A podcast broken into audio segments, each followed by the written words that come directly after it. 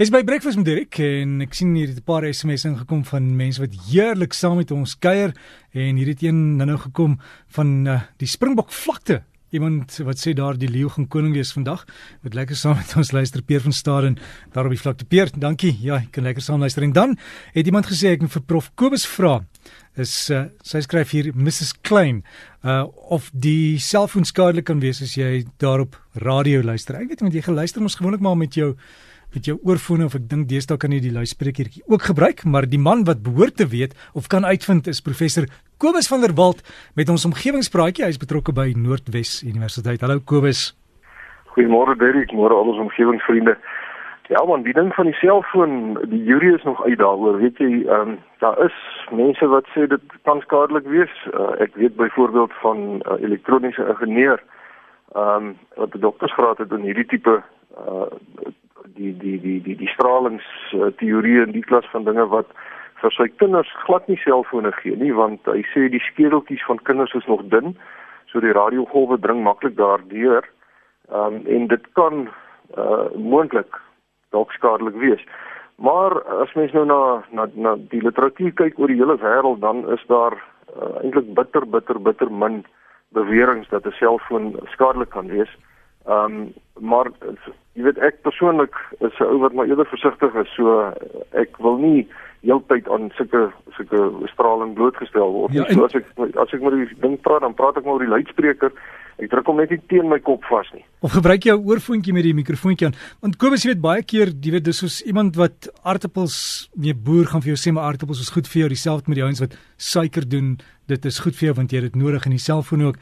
Jy moet nie jou eie produk beskadig in die proses nie. Ja, ja, maar aan die ander kant is daar ook samensweringsteorieë. Jy weet, mense wat ja. wat 'n probleem in enige iets sal sien.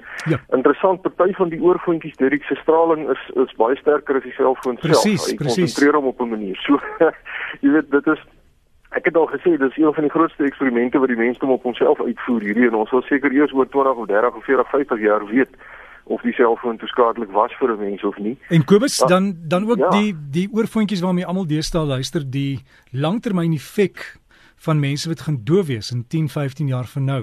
Dink mense ja, daaraan? Dit is dit is eintlik vir my 'n groter bekommernis, weet jy, want so oorfoon, ehm um, ek sien die jy weet oral, die mense draf met die goed in die gimnasiums is hulle met die goed in die ore en die gevaar is dat 'n mens die die volume te hard stel en dat jy nou aan daai voortdurende volume um, blootgestel word en uh, dit is 'n kumulatiewe ding wat uh, mense ook eers oor 'n paar jaar gaan agterkom maar dit is onomkeerbaar. So op die stadium is dit wel bewese dat oorfone jou gehoor kan aantas, maar oor die straling is die jury nog uit soos ek sê. Ehm um, en ek dink as 'n mens net soos met alles in die lewe maar balans hou, jy weet nie oorboord gaan met een of ander ding totdat dit dan nou bewys word na die een of die ander kant toe. Ehm um, ons gebruik almal selfone en ek daar is in Frankryk gerapporteer dat daar 'n uh, eh, effense toename in een of ander tumor is in die wat hier naby die oor is. Maar dit is 'n uh, uh, uh, nie 'n kwaadaardige ding gewees nie. En ek weet die Wêreldgesondheidsorganisasie het ook al so 'n bietjie gekyk na die klassifikasie van selfone. As ek reg is, dan is selfone tans net so gevaarlik om vir jou kanker te gee as koffie. Ehm um, so jy weet jy moet net vir jou eie afleidings maak daaroor. Ehm um, maar ek gebruik 'n selfoon sonder enige probleme en uh as mense maar net die die die die die common sense gebruik soos ons Engelse vriende sal sê dan dink ek nie kan daar probleme wees nie. Maar nou ja, Derek, ek wil oor iets anders gesels vanoggend. En dit is 'n brief wat ek ontvang het van meneer Mani Gous van Oudtshoorn.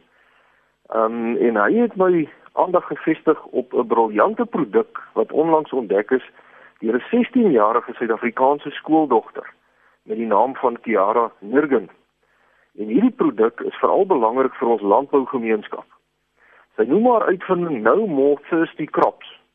En hierdie briljante skoolkind is onlangs aangewys as die streekswenner van die maatskappy Google se Midde-Oosterse en Afrika Wetenskap Expo kompetisie waarvoor daar duisende inskrywings uit 107 lande ontvang is. En sy staan nou die kans om as een van die top 16 wêreldfinaliste aangewys te word.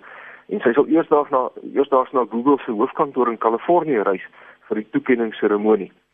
Nou Kiara Nurgen is 'n leerling aan die St. Martin Hoërskool in Johannesburg. En sy het besluit om iets te probeer doen aan die droogte wat die hele suidelike Afrika die afgelope seisoen in sy greep gehad het. En nou as uitgangspunt het sy besef dat water in ons land heeltemal te kosbaar is om toe te laat dat dit bloot van landerye afloop na riviere, damme en dan uiteindelik die see toe. Met ander woorde, mens moet probeer om elke druppeltjie reënwater wat op 'n landery val, daar te hou en dan optimaal te gebruik. En Kiara het dit toe reg gekry om 'n revolusionêre nuwe manier te ontwerp waarmee water vir oeste baie langer beskikbaar kan bly. En die beste van alles is dat sy dit reg gekry het deur van lemoenskille en avokado peerskille gebruik te maak. Nou dis lank reeds bekend dat humus so ongeveer sy eie gewig in water kan hou as mense nou in die grond inmeng. En dit beteken dat as 'n boer die hoeveelheid humus in sy landery met net 1% verhoog, dan neem die grond se waterhou vermoë met nagenoeg 170 000 liter water per hektaar toe. Aan die ander woorde, humus in landerye is eintlik baie baie belangrik. Nou Kiara het hierdie beginsel toe nou een stap verder geneem deur superabsorberende polimere te vervaardig wat etlike honderde kere sy eie gewig in water kan hou. So dis baie meer effektief as humus. Nou superabsorberende polimere is ook niks nuut nie, want dis die tipe goed wat mense in babadoeke kry wat die urine van babatjies nou absorbeer. Maar hierdie soort polimere wat ons nou in babadoeke kry, bevat chemikalieë soos akriliese suur en seepsoda wat skadelik kan wees vir plante. En dis ook nie gereedelik biodegradeerbaar nie. Nou Kiara het toe navorsing begin doen oor die onderwerp en gevind dat polimere ook in die meeste sitrusvrugte gevind word en dat veral lemoenskille ongeveer 64% van 'n biodegradeerbare soort polimeer bevat. Nou om die lemoenskille te verwerk tot 'n superabsorberende polimeer, het mens gewoonlik stowwe so swaal en soutsuur en sulke goed nodig. Maar Kiara het toe op die idee gekom om 'n organiese metode te probeer kry wat bloot ultraviolet lig en warmte benodig. En waar natuurlike olies wat in avokado peerskille nou voorkom, help om 'n emulsie te vorm as dit saam met die lemoenskille gekook word.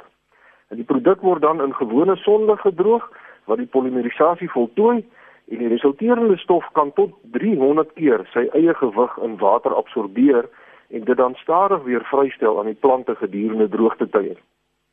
Die produk is verder biodegradeerbaar en dit los terselfdertyd 'n groot probleem van die vrugtesapindustrie op want hulle sit nou met berge lemoenskille wat hulle nie weet wat om mee te maak nie. Die produk bevat geen chemikalieë nie en die enigste hulpbronne wat nodig is is elektrisiteit en tyd. En daar is geen spesiale toerusting of materiale nodig om dit te vervaardig nie.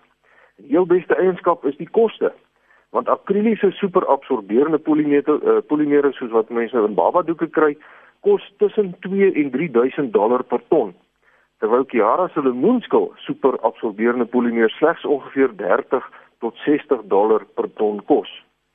Ja, Kiara sal op 11 Augustus weet of sy een van die 16 wêreldwenners in Google se kompetisie is en ek wil haar graag baie hartlik gelukwens met hierdie prestasie.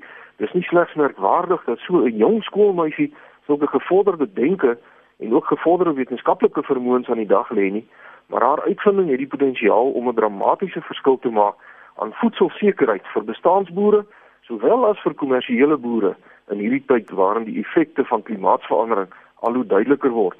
En ek is seker dat ek namens ons bykans 2 miljoen omgewingsvriende praat vanoggend as ek vir Kiara Nurgen van Johannesburg vanoggend baie voorspoed toewens. Ons hou duim vas dat jy as wenner aangewys sal word Maar selfs al gebeur dit nou nie, kan jy baie trots wees omdat jy deur jou briljante uitvinding die welsyn van miljoene mense in die wêreld kan verbeter. As van ons omgewingsvriende meer wil lees oor Kiara se superabsorberende polimere, kyk gerus na Omgewingspraatjies se Facebook bladsy. Ek het 'n skakel na die uh, na die projek daar geplaas en ek is seker dat van ons meer innoverende boere dalk reeds self sal kan begin om sulke polimere te probeer vervaardig en op hulle landerye dan toe te dien. Danny het so gepraat van omgewingspraatjies se Facebook bladsy. Ons het verlede week die 10000 vriende kerk verbygesteek. En sommige weke sien ek is daar tot 80000 mense wat die een of ander vorm van interaksie met ons bladsy het. En ek wil weer eens baie dankie sê vir almal wat so lekker deelneem. Ek waardeer dit opreg.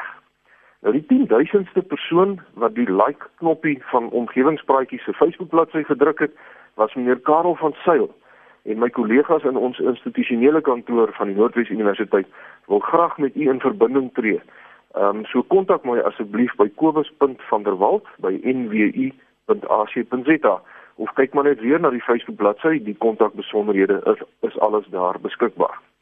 En dan Derek wil ek graag afsluit met goeie nuus vir ons hele land. Want ek hou die suidelike oscillasies nogal dop om te sien wat die staat van die El Niño is. En die jongste voorspelling wys dat ons waarskynlik 'n seisoen met 'n effens bo-normale somerreënval tegemoet gaan uh met matige La Nina toestande wat voorspel word. Maar ek wil egter beklemtoon dat die potensiële foutgrense in die data van NASA en NOAA die Noord-Amerikaanse uh, atmosferiese assosiasie die foutgrense is nog groot want dis dis 'n ou voorspel. Met ander woorde daar kan dinge kan anders uitloop.